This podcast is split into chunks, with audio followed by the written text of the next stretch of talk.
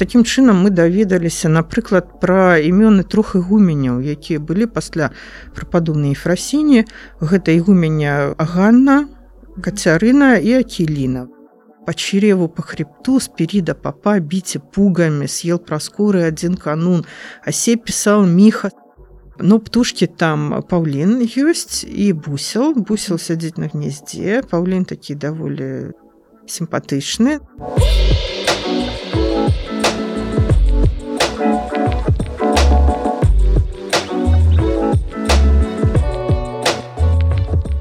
Добрый дзень шану гаспадарства з вами падкаст так склалася гістарычна і я дзягель Ганна рада вас вітаць у нашым чарговым выпуску таму што сёння класная нагода для выпуску і чарговы класны гость. Сёння ў гасцях і на калечыц кандыдат гістарычных навук дацэнт і даследчыца эпіграфікі і ў прыватнасці сённяшняя нагода гэта выхад манаграфіі якая называется корпус графіці полацкай спаса прыбяжэнскай церкві северная келья манаграфія 23 году а да гэтага у двадцатым годзе выйшла падобная манаграфія але пра графіці южнай келі паўднёвай кельі. Вітаю Інна. Вітаю вас шановныя сябры. Слухайте ну у меня першае пытанне канешне такое пра графіці пра тэму такую вельмі цікавую як вы пачалі займацца вось менавіта эпіграфікай і вось графіці такой тэмай? Выпадкова. Так склалася да? Так склалася гістарычна Ну зацікавілася тэмай надпісаў з падачы лявона калядзінскага. Дарэчы ён быў першым кіраўніком маім навуковым. У мяне ёсць філалагічная адукацыя гістарычную таксама набыла. Ну вось ўсё так складалася каб я занялася гэтай тэмай. А што гэта за крыніца графіці? Што гэта такое? Ну графіці гэта італьянскае слово абазначае надрапанае прадрапанае па сцяне ці па нейкім матэрыяле ну вось у адрозненні напрыклад ад дэпінта дэпінта гэта тое што нанесена фарбай намаляваная фарбай графіці гэта прадрапанае і хутчэй за ўсё гэта прадрапанае спантанна гэта значыць што чалавек не вельмі прадумаў што ён хоча напісаць там ну напрыклад як на нейкай скульптуры там надпіс наносіцца а тут вось ён нешта захацеў і прадрапаў і напісаў. Так спантанна вырашыў і нанёс кшталту тут быў вася. Ну вася гэта класіка вось скажитека ласка. Ну звычайна нават не так даўно навіна была ну гэта не вельмі добра нешта драпаць на нейкіх помніках вось недавно навіна была што нейкі турыст у італіі там надрапаў на нейкім помніку яго потым страшна штрафавалі А як з гэтым было у сярэднія вякі? З гэтым было яшчэ страшней таму што прадрапванне графіці і гэта было афіцыйна занесена ў прававыя дакументы таго часу. Прадрапванне графіці прыраўноўвалася да пасячэння крыжа і разрабавання магіл. Ты больш у царкве у царкве тым больш. Ну у царкве ў першую чаргу прадрапавалі. Вось. Аднак ну калі нешта хочацца так нельга але вельмі хочацца таму гэта рабілі. І вось чаму рабілі з якіх прычын аб гэтым ужо мы будзем з вами размаўляць. Бок в прынцыпе гэта забароненая нейкая такая рэч але ўсё адно гэта робіць. Давайте паговорым чаму чаму ж гэта рабілі Чаму рабілі? Ну увогуле графіці можна разглядаць у нейкіх таких вот некалькіх пласкасцях.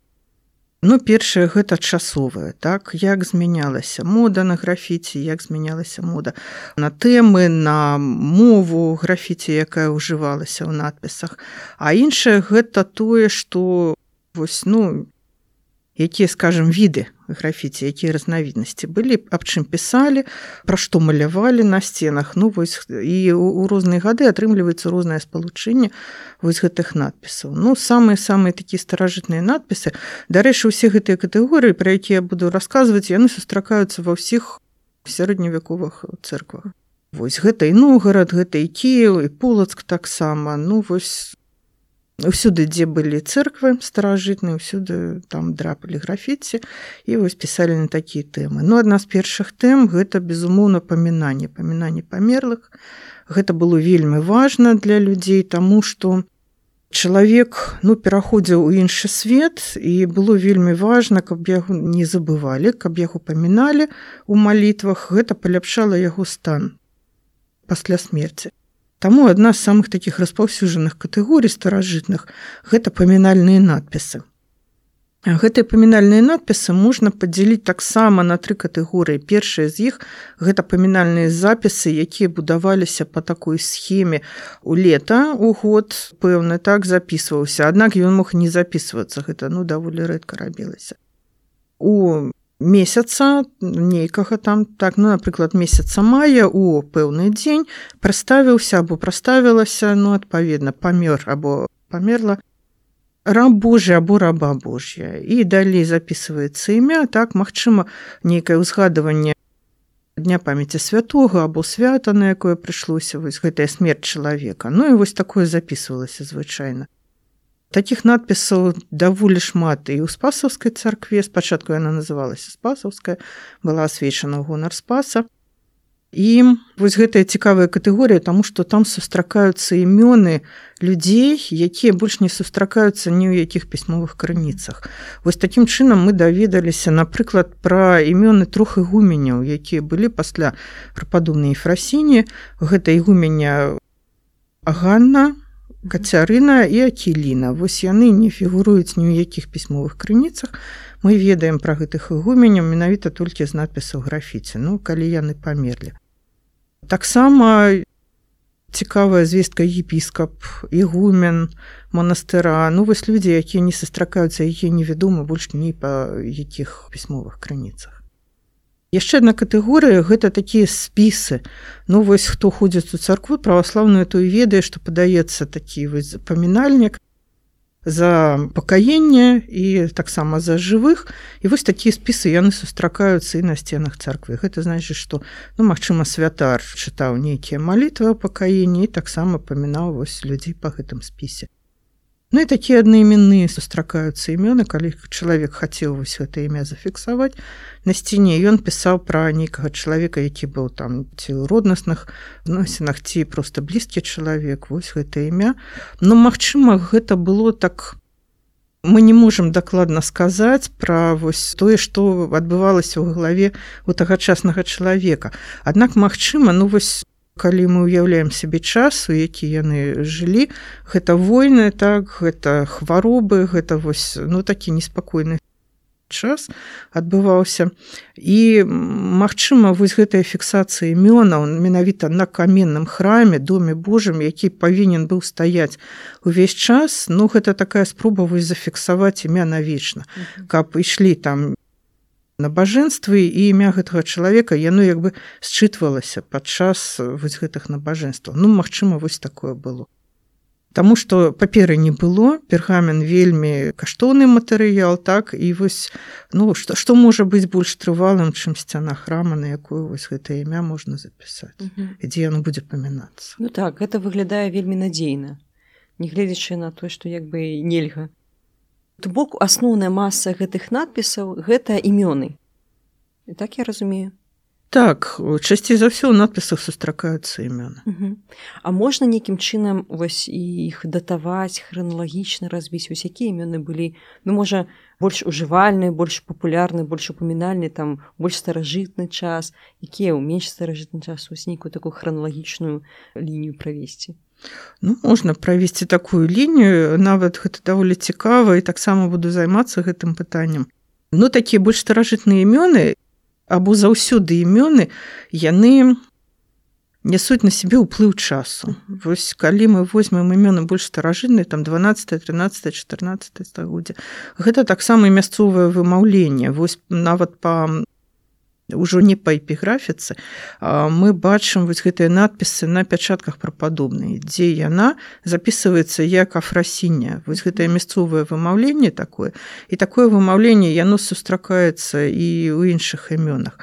А вось потым трошки пазней ўжо там 16 17 стагоддзя калі гэта ўздзеянне лацініцы калі сустракаюцца лацінскія імёны так вось вот таким лацінскім гучанні напісання то там будзе шмат паулусаў петрусаў дарэчы вось тут быў вася пра якога мы казалі ён уже будзе базіліус. Ікфует базіліус будзе. Тут быў Васілій вася той же самы аднак у лацінскім такім варыянце. То бок у праваслаўнай царкве ўсё адно адчуваецца вось гэта лацінскі ўплыў Ну там уже трошки пазней гэта надпісы шкаляроў езуіцкага калегіума яны вывучалі лацініцу ну увогуле такі ўплыў лацініцы Ну цікавасць сустракаецца і такія рысы вымаўлення і напісання напрыклад запісана імя жык гімонт. Гімон таксама як ён запісваўся ў той час у пісьмовых дакументах вось тое ж самае сустракаецца ў графіце тое ж кг спалучэнне так вось у гэтым імя А ввогуле як можна датаваць графіці, Таму што я слаба ўяўляю, як можна драпіну на сцяне зразумець якога на часу. Ну для гэтага існуе такая навука, якая мае назву палеаграфія. Вось метады палеаграфіі яны выкарыстоўваюцца таксама і ў эпіграфіцы, таму што гэта роднасныя навукі. Нават іх не хацелі раздзяляць яшчэ ў двадцатым стагоддзе. Ну зараз уже раздзялілі гэтых сіямскіх блізнятаў да кожнага часа адпавядае свае напісанні свая графіка літар. І таму вось па графіцы літар можна прыблізна датаваць ну плюс-мінус 50 гадоў калі было зроблены гэты надпіс.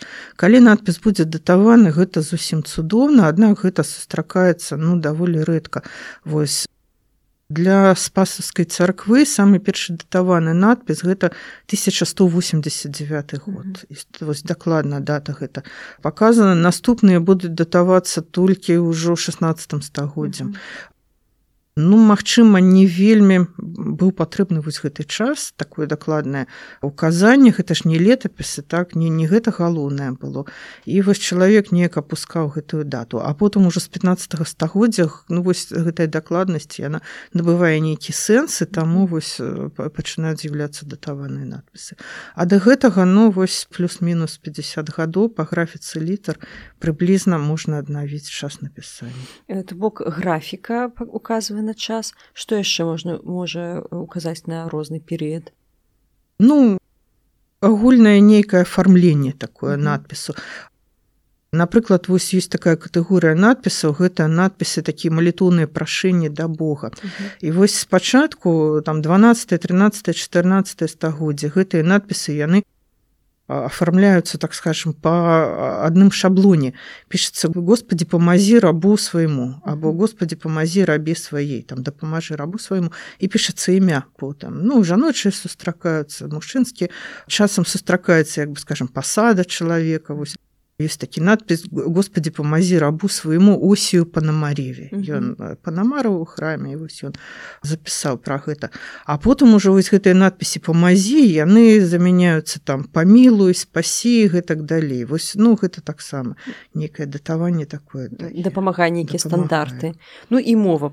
Як мы казалі да спачатку кірылічныя тэксты так праваслаўны ўплыў ну руская мова старажытна руская мова можна так сказаць а потым ужо лацінская мова пачынае ўплываць Ну вось калі мы возьмем да 1500 78 -го года ўключна гэта кірылічная гэта сто процентов кірылічны адзін толькі надпіс такі ну фрагментарны гэта грэчаская мова. Астатняе ўсё гэта кірыліца гэта старажытна-руская ну нехай там уплыў нейкі будзе так мясцовыя нейкія асаблівасці вымаўлення. Ну напрыклад гэта до палачан там мяккая ц вось яны пишутць багародзіця месяця вось такое атрымліваецца так ці вось галосныя нейкія яны там змяняюць.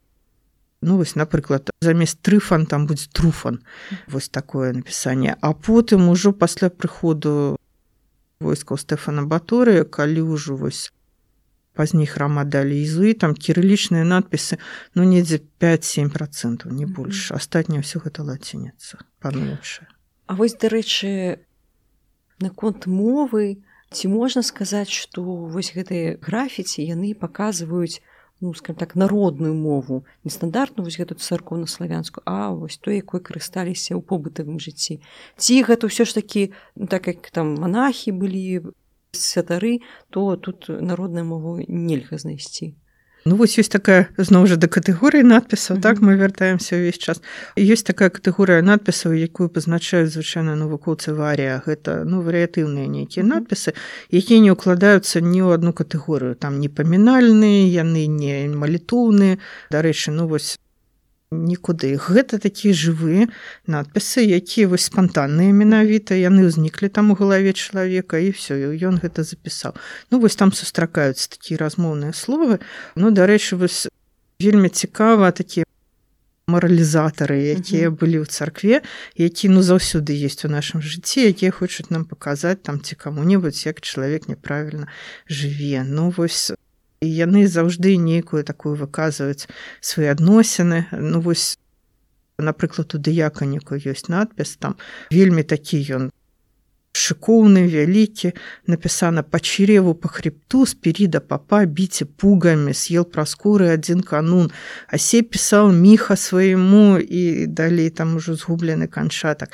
Прычым вельмі старанна задрапаны вось гэтага спірыда папа mm -hmm. і міха вось гэты міха зараз я праглядаю па царкве ён сустракаецца не аднойчы гэта нейкі там такі дзеяч хто ён быў я не ведаю гэта і міха восьось ну сустракаецца ў некалькіх надпісаў трэба так абагульніць паглядзець mm -hmm. і вось гэтыя пугі па чэраву па храбту ну магчыма канун гэта памінальная нейкая трапеза і праз скуры гэта прасфоркі якія mm -hmm. рыхтаваліся да гэтай трапезы ну ён з'еў праскуркі якія былі падрыхтаваны для памінальнай трапезы за гэта яго трэба пакараць пакараць пабіць пугамі дарэчы пуга гэта яна ну мабыць не сустракаецца вось. Гэта першае такое ўзгадыванне Ну таксама надпіс ёсць такі асавка панамарь святого спаса служыць чреву работает телу таксама гэта надпіс задрапаны тому что ну ён на слупе запісаны там на такім бачным месцы і вось таксама нехта прадрапаў такія надпісы заўсёды цікавыя тому что гэта вось жывая мова такая. Ці ў келі ёсць такі надпіс тоже. Пабейце імя закрэслена за злые грани чрева і хулен смех в келье Ну -hmm. что гэта за злые такія грани чэрава Ну Мачыма ён з'еў там нешта і гэтыя гукі былі чутныя так? А келя невялікая там літаральна два на два метры Ну і вось гэтыя грани чрева яны былі вельмі смешныя і хулен смех таксама -hmm. які там недастойныя паводзіны абсолютно. Так. Ну і вельмі цікава таксама вось такая картинка малюначак такі с адменай пэўнай які гэта хоры гэта будзе публікавацца вось ужо ў наступным выданні. Там малюнак такі зверху намаляваны чалавечак і прыпісана дыякан. А ўнізе таксама нейкі чалавечак які цягне руки да гэтага дыякана. Побач надпіс д'якану алешку пёс на шыю вось нехта пажадаў яму. І самае цікавае што вось гэты малюначак ён абведзены такім прамакутнічкам і закрэсленая по дыяганале ну гэта значит што магчыма дыякан убачыў гэта надпіс і адмяніў яго закрэсліў так ужо адмена адбылася ўсё несапраўдная надпіс гэта. А вы дарэчы про малюнкі. Малюнкі часта сустракаюцца калі сустракаюцца то якія? Сустракаюцца часта. Самая такая велізарная тэрыторыя малюнкаў гэта як Ну, это так цікава гэты ахвярнік ну магчыма ахвярніку знаходзіліся панамары служкі якія ну калі не прымалі ўдзел у набажэнстве трэба было нешта рабіць. Сумавалі яны. сумавалі драпалі там малюнкі вось там вельмі цікавыя там і птушкі звяры такі вось. Ну птушкі там паўлін ёсць і бусел. Бусел сядзіць на гнездзе паўлін такі даволі сімпатычны. Ну вось ён мог адкуль мог бачыць такога? Магчыма як падарунак манастыру нехта зрабіў. Таму што вось падчас раскопак у вулкавыску былі знойдзены косткі Паўліна таму вось ну як экзатычная такая птушка ён мог быць. Аднак там у ахвярніку вось дарэчы да года цмока выявы цмокаў таксама ёсць. Mm -hmm. Таму што цмокі гэта тэраталагічны арнамент ён пачынае пашырацца з 12 стагоддзя. Ну магчыма нехта ў кнізе ўбачыў вось таксама пра драпа тэраталагічны? Тэраталагічны гэта пачварнае гэта ага. ўздзеянне готыкі яно ідзе з заходняй Еўропы пачынае распаўсюджвацца. Вось застаўкі ў кнігах пачынаюць ну малюнкі такія афармляць. Усялякія выдуманыя істоты. Ага гэта фантастычныя істоты якіх у прыродзе не існуе. Звычайна гэта нейкія там цмокі змеі яны завязваюцца ў вузлы і астатнія там звяры птушкі людзі яны як бы заблытваюцца ў гэтых вузлах вось такія шыкоўныя застаўкі. Ну і вось гэтыя цмокі яны менавіта з гэтага арнамента вось нехта практыкаваўся.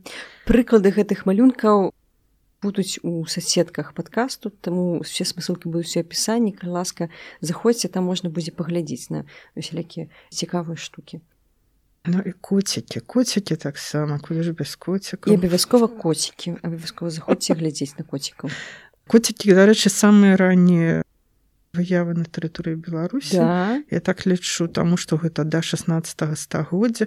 І там ёсць тры разнавіднасці коціку адзін з іх паласаты гэта такі беларускі чашырскі кот такі смайл шчыры ў яго mm -hmm. вось ён ідзе па гэтай сцяне гэта паміж дыяканікам і алтаром mm -hmm. праход такі і вось такая палоска надрапана гэта паласаты такі коцік mm -hmm. вось другі менавіта Мачыма вось з лапкамі белымі таму што ён увесь паказаны а лапкі так аддзелены mm -hmm. Вось. Ну і яшчэ адзін такі пухнаты таму што пусть паказаны такімі рысачкамі mm -hmm. вялікімі ну вось нехта Мачыма з натуры там улюбёнцаў але яны не падпісаны на жаль не не падпісаны аднак некаторыя з іх па іх прадрапаны больш познія графіці таму mm. ну можна датаваць больш раннім часам mm -hmm. графіці там ідуць 16 17 стагоддзя адносная датыроўка можа быць mm -hmm. ну, вось адносная такая давайте вернемся да надпісаў Вось мы гаварылі пра маралізатарскія надпісы, якія выкрывалі ўсялякія парокі, усялякія дрэнныя рэчы, якія рабілі людзі. А вось што з пункту гледжання гэтых маралізатараў было самае дрэннае, што рабілі людзі вось такі грэх самы вялікі. Любой не самы вялікі, які ўвогуле грахі ўпамінаюць. Ну таксама было цікава так вось гэтыя надпісы маралізатарскія паглядзець, што ж такое.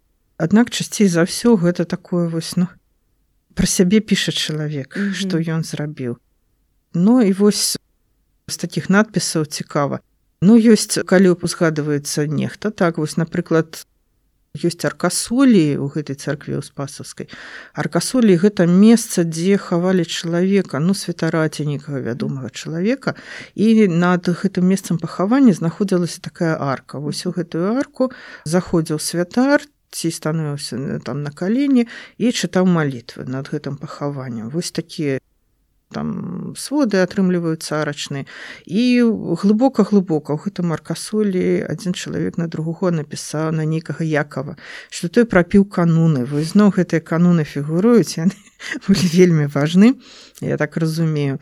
Ну і вось грэх п'янства. Гэта mm -hmm. тое пра што напісана больш за ўсё ў царкве. Прычым пісалі самі людзі Вось ёсць паўднёвы ўваход і там таксама на гэтым зводзе арачным напісана Господі памазі рабу свайму архімандрету анхімадрету вось так mm -hmm. ну не не вельмі правільна аднак гарадзечкаму і авану гэта быў такі гарадзецкі манастыр невядома дзе ён быў полацку але ён быў па пісьмовых дакументах мы ведаем пра яго і вось гэта іован такая пераходная форма Іоанн Іован а потым ужо Іван, Іван. -hmm. так вось ён запісаў вось ён просіць дапамогі ў Бога і гэты надпіс аформлены ў такую цудоўную рамку яна там нейкімі дыяганальнымі лініямі прыгожана а зверху падпісана апіл есмь і вось далучаецца такой вось рысачкай паўкруглай да гэтага надпісу. Ён і пакаяўся таксама ў гэтым. Ён пакаяўся ў тым што ён шмат піў. Піў шмат. так. Архімандрит аднак нягледзячы на гэта ну вось так заціхарыўся і напісаў. Mm -hmm ўсё што цяжарвала магчыма яго душу. Ну і на слупе таксама ёсць надпіс пісала жанчына ну не ведаем ці монахіня ці не. Напілась на лазареву суботу ну, лазарева субота гэта вялікі пост. Mm -hmm. гэта дзень калі там можна трошки выпіць віна ну яна крыху занадта так. крыху занадта атрымалася Ну і такі яшчэ ёсць надпіс зноў такі вось датычыцца гэтага граха на слупе напісана два словы не тры немочы і спамхелья mm -hmm. вось гэтае пахмелле было настолькі моцным што нават пераблыталіся літары не пахмелі памхелі атрымалася ну гэта ўжо 14 15 стагоддзя так давайте рэйтынг составим. Першае месца гэта п'янства так? ну, і, і памхелье.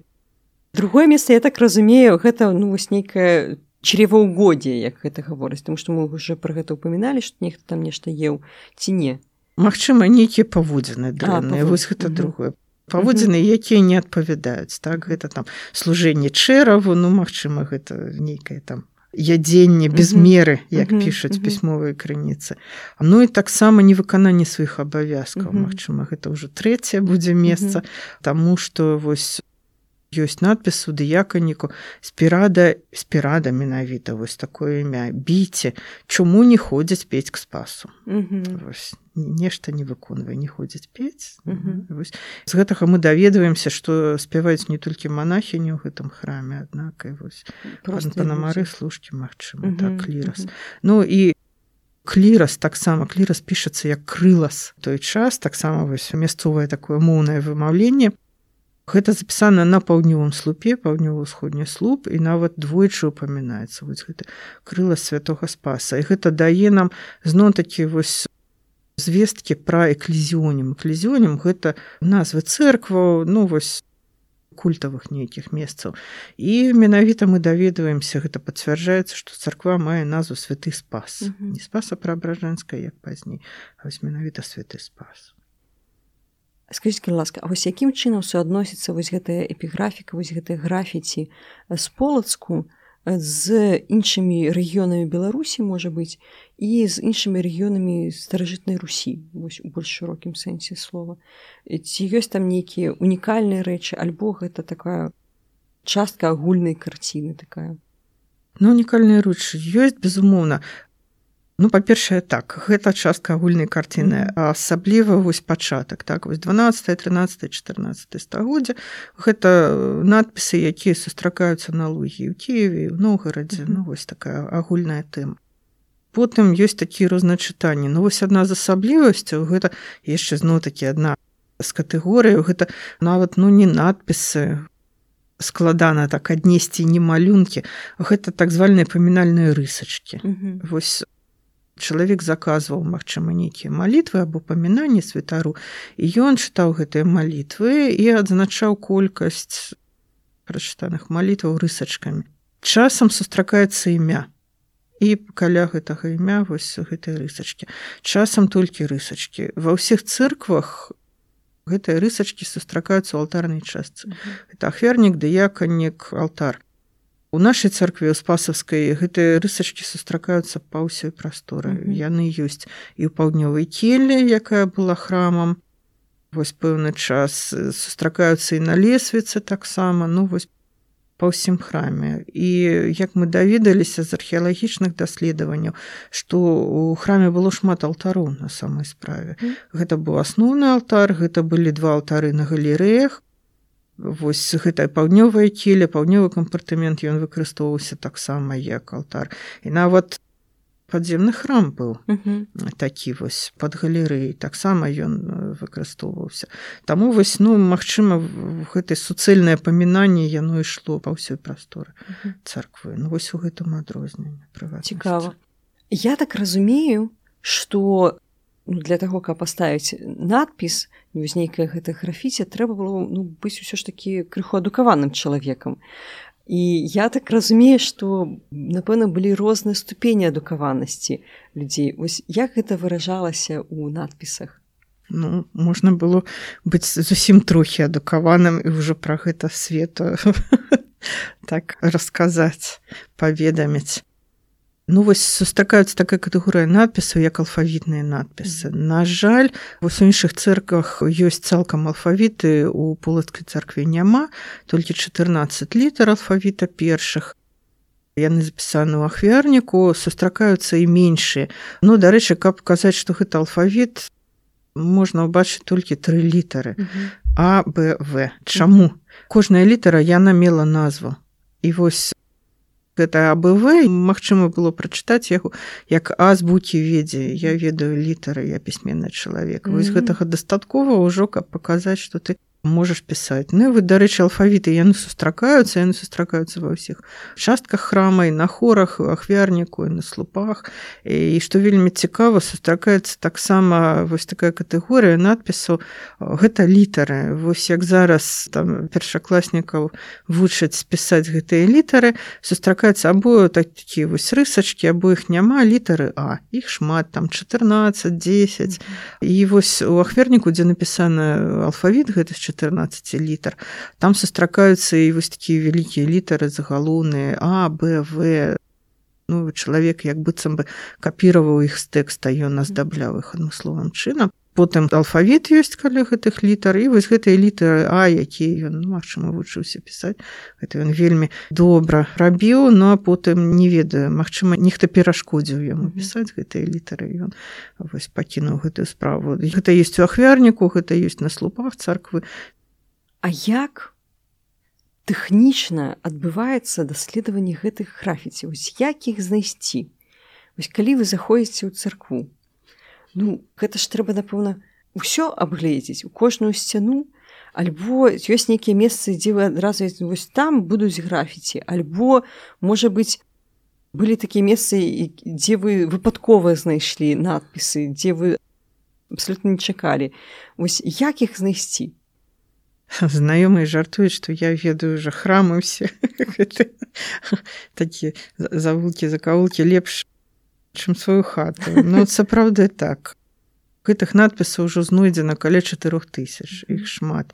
І іх шукаць не трэба яны кідаюцца просто mm -hmm. на цябе вочы ўсюды толькі трэба даследаваць Ну вось у гэтым складанасць таму што гэта трэба скрупулёзна рабіць трэба іх фіксаваць і ну як гэта адбываецца звычайна фатаграфуюцца надпісы ну яны так папярэдне чытаюцца потым робяцца фатаграфія робяцца прарысоўка гэтых графіці ну таму што яны павінны быць прадстаўлены як фотафіксацыя і тое што даследчык бачыць Магчыма нехта бачыць нешта іншае mm -hmm. так калісьці вось мастакам таксама даручалі гэта фіксаваць аднак адмовіліся таму што мастакі бачаць адно а навукоўцы бачаць нешта іншае. Ну зараз існуе такі сучасная рэч якая мае назву фотаграметрыя. Ну гэта ўжо будзе напэўна наступны крок. Гэта патрэбна тэхніка для гэтага так і вывучэнне. У Маскве гэтым займаецца нават цэлае адгалінаванне. У нас пакуль няма такіх магчымасцяў аднак гэта будзе ўжо наступны крок. Ну вось гэтая фіксацыя потым прачытанне. Вось для гэтага трэба безумоўна шмат ведаў. І гэта вельмі добра таму што ну я выкладала і дапаможныя гістарычныя дысцыпліны. Тут геральдыка і палеаграфія і мовазнаўства шмат чаго патрэбна. Вось каб усё завязалася ў адзіны такі вузел і пайшло на карысць даследавання. Ну вось так атрымліваецца. Слухайце а бывала такое што вам по пабачылася спачатку у вось гэтых рысачках нейкіх надпіс альбо выява а потым вы больш важліва паглядзелі і не гэта ўжо фантомныя нейкія бывае складанасці таму што вось гэтыя сцены ну іх можна так адзначыць навуковым тэрмінам гіпернасычаная прастора mm -hmm. Таму што напрыклад там надпіс ідзе 12 стагоддзя а потым накладаецца 17 а потым яшчэ нешта і вось гэта распутванне таких не так нейкіх. Бывае што прачытаеш адно потым глядзіш асвятленне іншае. Ну звычайна асвятленне падаецца для вывучэнне такое яно унізе збоку трошки яно дае вось гэтыя цені. Ну гэта даволі лёгка таму што звычайна людзі гэта праўшы большасць. І вось гэтае асвятленне яно дае магчымасць бачыць гэтыя цені убачыць гэты надпіс а потым пачынаеш разбіраць не вось гэта драпіна такая яна не належыць да гэтага надпісу так і нешта там мяняецца. Ну безумоўна такое бывае там вось і даследавання ёсць надпісы складаныя які такі заблытаны Таму што сцены яны шмат пацярпелі і шмат драпін такіх вось дадатковых і шмат было нейкіх рамонтаў і рэстаўрацыі таму вось ну не, заўсёды добра чытаецца. Ну і даволі такі лянота была ў гэтых хлапцоў, якія там наносілі ці дзяўчат ну дзяўчаты радзей канешне гэтыя надпісы яны пачыналі надпіс вельмі шыкуны там глыбока прадрапавалі гэтыя літары а потым ім надакучала і і ты яны танюсенькі або іх увогуле няма вось трэба думаць што ён хацеў сказаць ну, так так, так. Як звычайна як это пачалі за здраве скончылі за ўпакой акрамя таго што гэта вельмі цікава. Акрамя таго што гэта прыгожа. Што нам даюць вось гэтыя надпісы як гістарычнай крыніцы вось як гісторыкам? Ну увогуле гэты храм як велізарная такая бібліятэка графіці таму што пісьмовых помнікаў з тэрыторыі беларусі захавалася на жаль няшмат. Гэта эпіграфічныя помнікі па-першае. Ну іх больш за сотню яны знойдзены большасці свой падчас археалагічных даследавань. Гэта мала. Пісьмовых помнікаў летапісаў ну мы все ведаем mm -hmm. так што з гэтым вельмі цяжка на тэрыторыі беларусі. Таму адкуль браць калі не вось такі гістарычныя звесткі цалкам звесткі пра мову тагачасную звесткі пра сапаграфію так гэта вось ну імёны людзей нейкія гістарычныя асобы. Вось тут нам прыадчыняе такія старонкі невядомы. Я ўжо казала мы ведаем ведаем пра ігуменняў так пра епіскапаў невядомых больш ні па якіх крыніцах нават вось той же самы гарадзецкі манастыр так узгадваецца яшчэ раней чым мы ведаем яго па пісьмовых крыніцах Ну гэта вось што тычыцца гісторыі. Таксама шмат карыснага для архітэктуры. Таму што калі ёсць датаваны надпіс мы можам датаваць пэўную тынкоўку якая была накладзена там у пэўны перыяд рамонтаў. Ну напрыклад вось калі гэтую тэрыторыю фальварак спас так як ён называўся далі уже езуітам так яны пачалі нейкія перабудовы яны пачалі там перабудовы под касцёл гэтага храма. Ну і вось мы можемм даведацца у якіх прамежках часу гэта адбывалось адбывалася. Гэта таксама цікава, гэта таксама карысна. Ну вось ёсць такая тэрыторыя, якую я умоўна называю балкон. Гэта тэрыторыя, на якой зараз вось ну калі не будаўнічы там рэстаўратарскія лясы не стаяць немагчыма туды дабрацца а справа ў тым што магчыма вось у гэты перыяд ён датуецца з 1604 недзе так гэтая тэрыторыя пачала выкарыстоўвацца як такі ну балкон.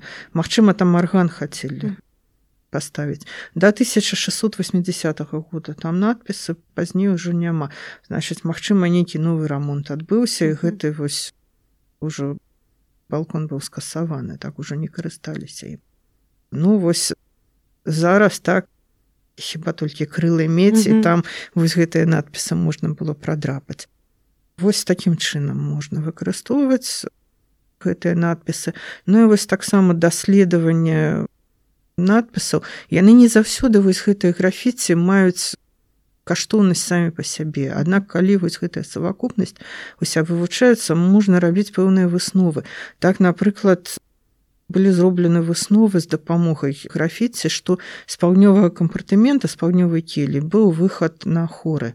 Менавіта там вось на адкосах аконных а гэта былі дзверы на самой справе быў выхад на галерэі таксама пытанне пра тое наколькі вось людзі мелі доступ у гэтай келі паўднёвы ён выкарыстоўваўся як храм. Там надпісы пачынаюць з'яўляцца ну пасля 14 стагоддзя больш.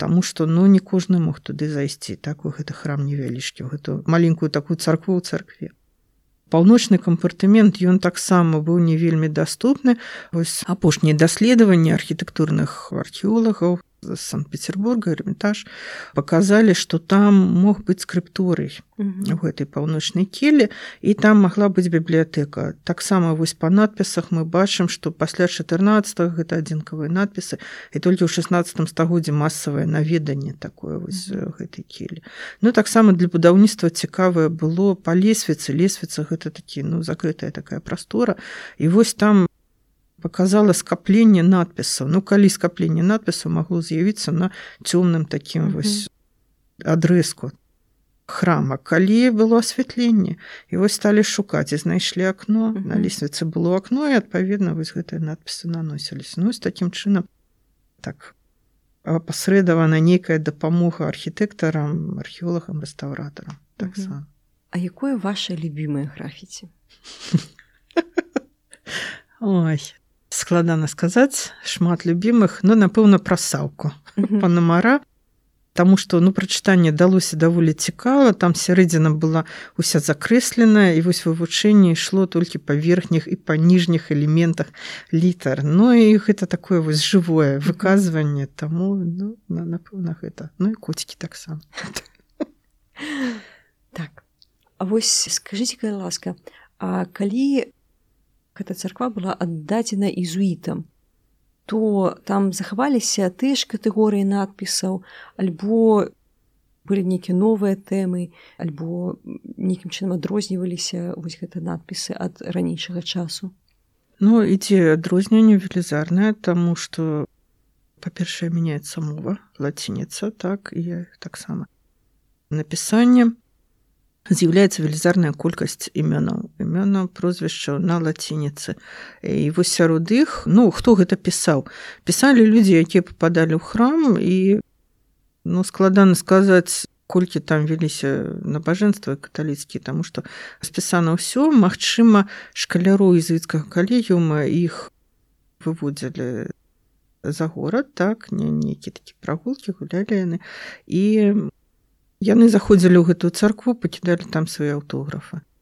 Ну сярод аўтографаў што цікава гэта будучы так скажем людзі якія ўдзельнічалі у палітыцы ў жыцці полацка. Гэта людзі якія будуць потым працаваць у магістраце бурмістры пісары. Дарэчы на лесвіцы напрыклад ёсць чалавек по прозвішчы дзягель Да. свае Вот прозвішча да. там. І, і пісары таксама вядомы з гэтым прозвішчам. Так ну вось э, шляхецкія гэтыя рады корсакі шчыты там старымовічы гэтак далей. Вось яны записываліся і не адно пакаленне пакідалі вось гэтыя надпісы на сценах. І нават геральдычныя выявы там ёсць. І селява і ружа гербы шляхецкія сустракаюцца. Ну, акрамя імя акрамя даты таксама вось гэты пакідалі свае знакі шляхецкай годнасці. А вось дарэчы якія самыя апошнія надпісы? Вось самыя познія і пра што самы позні надпіс гэта ўжо пасля рэстаўрацыі пасля нанесення вось гэтай маслянай фарбы якую нанова распісвалася царква імя і дата 1842 год. Аднак самае самае апошняе гэта это смешна даволі маладзечна 1996 калі ўжо адбылася рэстаўрацыя ракіцкім у паўднёвай келлі нехта зайшоў туды вось прадрапаў ну цікава як змянялася. Не вася менавіта традыцыі яны перадусім гэта так. Ну, гэта больш пераклікаецца напрыклад з графіці бабруйскай крэпасці там больш записываюцца гарады ч- чым імёны. А вось для 17 стагоддзя больш імёны і прычым было цікава што ну вось гэтая сістэма адукацыі езуіцкая яна ж была такая ну даволі складаная цікавая і вось там былі ну як сказаць такія калі вучань добра вучыўся ён атрымліваў званне аўдітара Мгм. ён гэта записываў потым напрыклад ён мог правяраць уже там дамашку так Мгм. хатняе заданне ў сваіх сябро і вось ён гэта записываў і наадварот таксама даволі часта тры разы сустракаецца надпіс блазен Мгм. каля імя прычым гэта ну не сам чалавек пісаў вось нехта прыпісваў і таксама вось была традыцыя калі ну дрэнна вучыўся чалавек так дрэнна шкаляр вучыўся яму надзявалі такі капак Мгм. блазенскі і адпаведна там крычалі што дурак дуракоў векі вякоў ну, Мгм. Магчыма вось гэтая традыцыя таксама знайшла адлюстраванне. Мгм. Дзякуй вялікі за такую цікавую размову. Бачце такая не вельмі ухвальная рэч. Аказваецца таксама можа быць вельмі цікавай гістарычнай крыніцай. Я жадаю вам паспяховай працы далейшай каб знайсці усе графіці усе іх апісаць не толькі 99 -го года але і больш старыя Дзякуй вялікі за размову. Дзякуй за запрашэнне было вельмі цікава У апісанні будзе спасылка на Facebook і на калечыц там можна падпісацца там часта яна выкладаю розныя цікавосткі а таксама на нстаграм з рознымі рамесніцкімі вырабамі таксама вельмі прыгожымі калі ласка заходзьце подписывайтеся і падтрымлівайце таксама будзе ў апісанні выходная дадзеная манаграфій пра графіці полацкай спаса прыбражэнскай царквы. І канешне я асабіста дзякую усім слухачам усім подписчикам сацыяльных сетках якія пішуць каментуюць ставяць лайки падабайкі якія раяць падказ сябрам. Калі вы раеце сябрам падкасты гэта заўсёды вельмі добра бачыць па статыстыцы адразу такі пічок праслухоўванню мне вельмі гэта прыемна. І канешне я дзякую спонсорам падкасту на платформе патрыён усе спасылкай будуць апісанні. Калі ласка заходзьце подписывайтеся падтрымлівайце. Да новых сустрэч. Да пабачэння